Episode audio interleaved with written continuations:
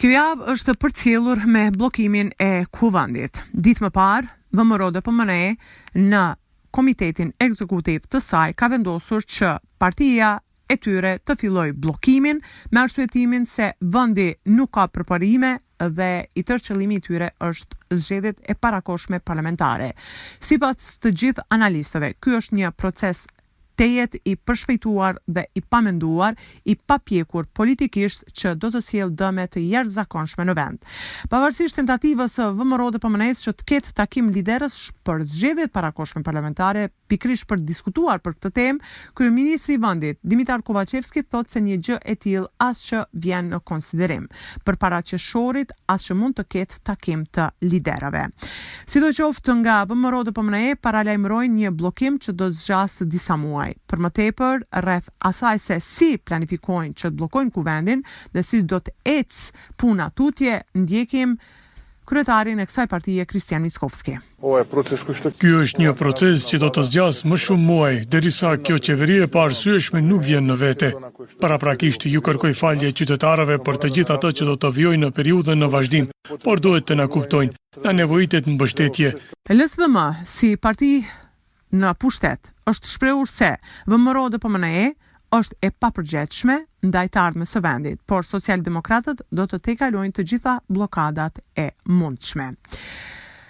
Në anën tjetër, lideri Ali Ahmeti është shprehur se bllokadat, bojkotet, sabotazhet nuk janë demokraci e përparuar dhe nuk kanë vend në një shtet i cili pretendon që të jetë vend demokratik. Një gjë të tillë nuk e përkrahin as vendet aleate. Ai gjithashtu është shprehur optimist për raportin me Bullgarinë në zgjidhjen e kontestit. Për më tepër ndjekim deklaratën e tij. Ky paralajmërim i VMRO-DPMNE-së për bojkot, bllokadë, të parlamentit nuk i bën mirë shëndetit të partisë VMRO-DPMNE-së sepse nuk mbështetet nga asnjë vend demokratik. Në anën tjetër vazhdojnë problemet e shumta në arsim.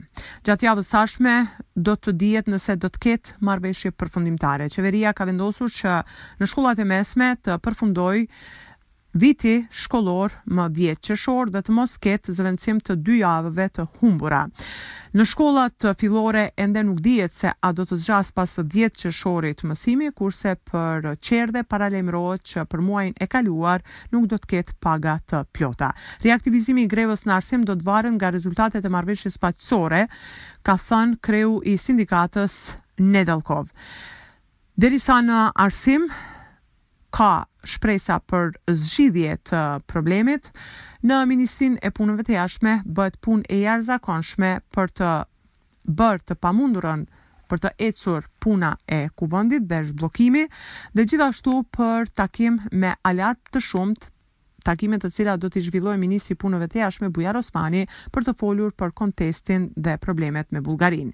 Ministri Bujar Osmani do të marrë pjesë në takimin joformal të ministrave të jashtëm të NATO-s që do të mbahet në Berlin. Sipas Ministrisë së Jashtme, fokusi i bisedimeve do të jetë pushtimi ushtarak rus i Ukrainës, implikimet e mundshme të luftës për aleatët, duke përfshirë rreziqet e sigurisë dhe pozicionin e ardhshëm të mbrojtjes së NATO-s, si dhe samiti i ardhshëm i liderëve në Madrid. Në takim janë të ftuar ministrat e jashtëm të Finlandës dhe Suedisë, të cilët do të informojnë për zhvillimet e fundit, përfitimet dhe implikimet në lidhje me anëtarësimin e mundshëm të ardhshëm të këtyre dy vendeve në Aleancë. Në margjinat e takimit, Bujar Osmani pritet të ketë takime bilaterale me ministrat e jashtëm të Ukrainës dhe Malit Zi, por edhe me shumë homologë të tjerë. Pra është një nga vizitat e rëndësishme për vendin tonë. Gjatë kësaj jave është shënuar edhe nëntë maj, me ç'rast për Ditën e Evropës, lideri Ali Ahmeti ka takuar përfaqësues të diplomacisë në tërë vendin, ndërkohë që Ansambli Nacional i Këngëve dhe Valleve Popullore Shqiptare në Filharmoninë e Maqedonisë ka shënuar këtë ditë duke nisur koncerti me himnin e Evropës dhe duke u folur për rëndësinë e vitit një mijë e nëntëqind e pesëdhjetë dhe shpalljen e Ditës së Evropës dhe për tentativat dhe rëndësinë që do të ketë Republika e Maqedonisë së Veriut si aleat i Evropës. Në Filarmoninë e Maqedonisë u mbajt koncert tematik për Gani Grubin, si figurë i cili në Shkup kishte sjellur nga Gjakova paqe dhe një mirëkuptim në mes të njerëzve që kanë jetuar në vitet shtatëdhjetë tetëdhjetë në Shkupin e vjetër.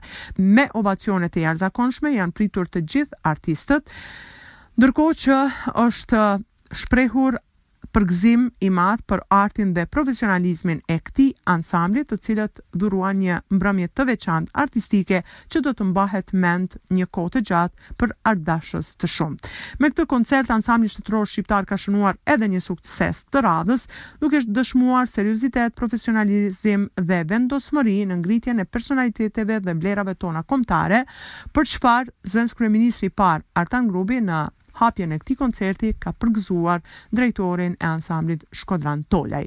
I njëjti ansambël do të merrë pjesë edhe në festën e madhe që organizon klubi futbollistik Shkupi në sheshin Skënderbeu këtë të diel. Për radion SBS raporton nga Republika e Maqedonisë së Veriut, Besiana Mehmedi.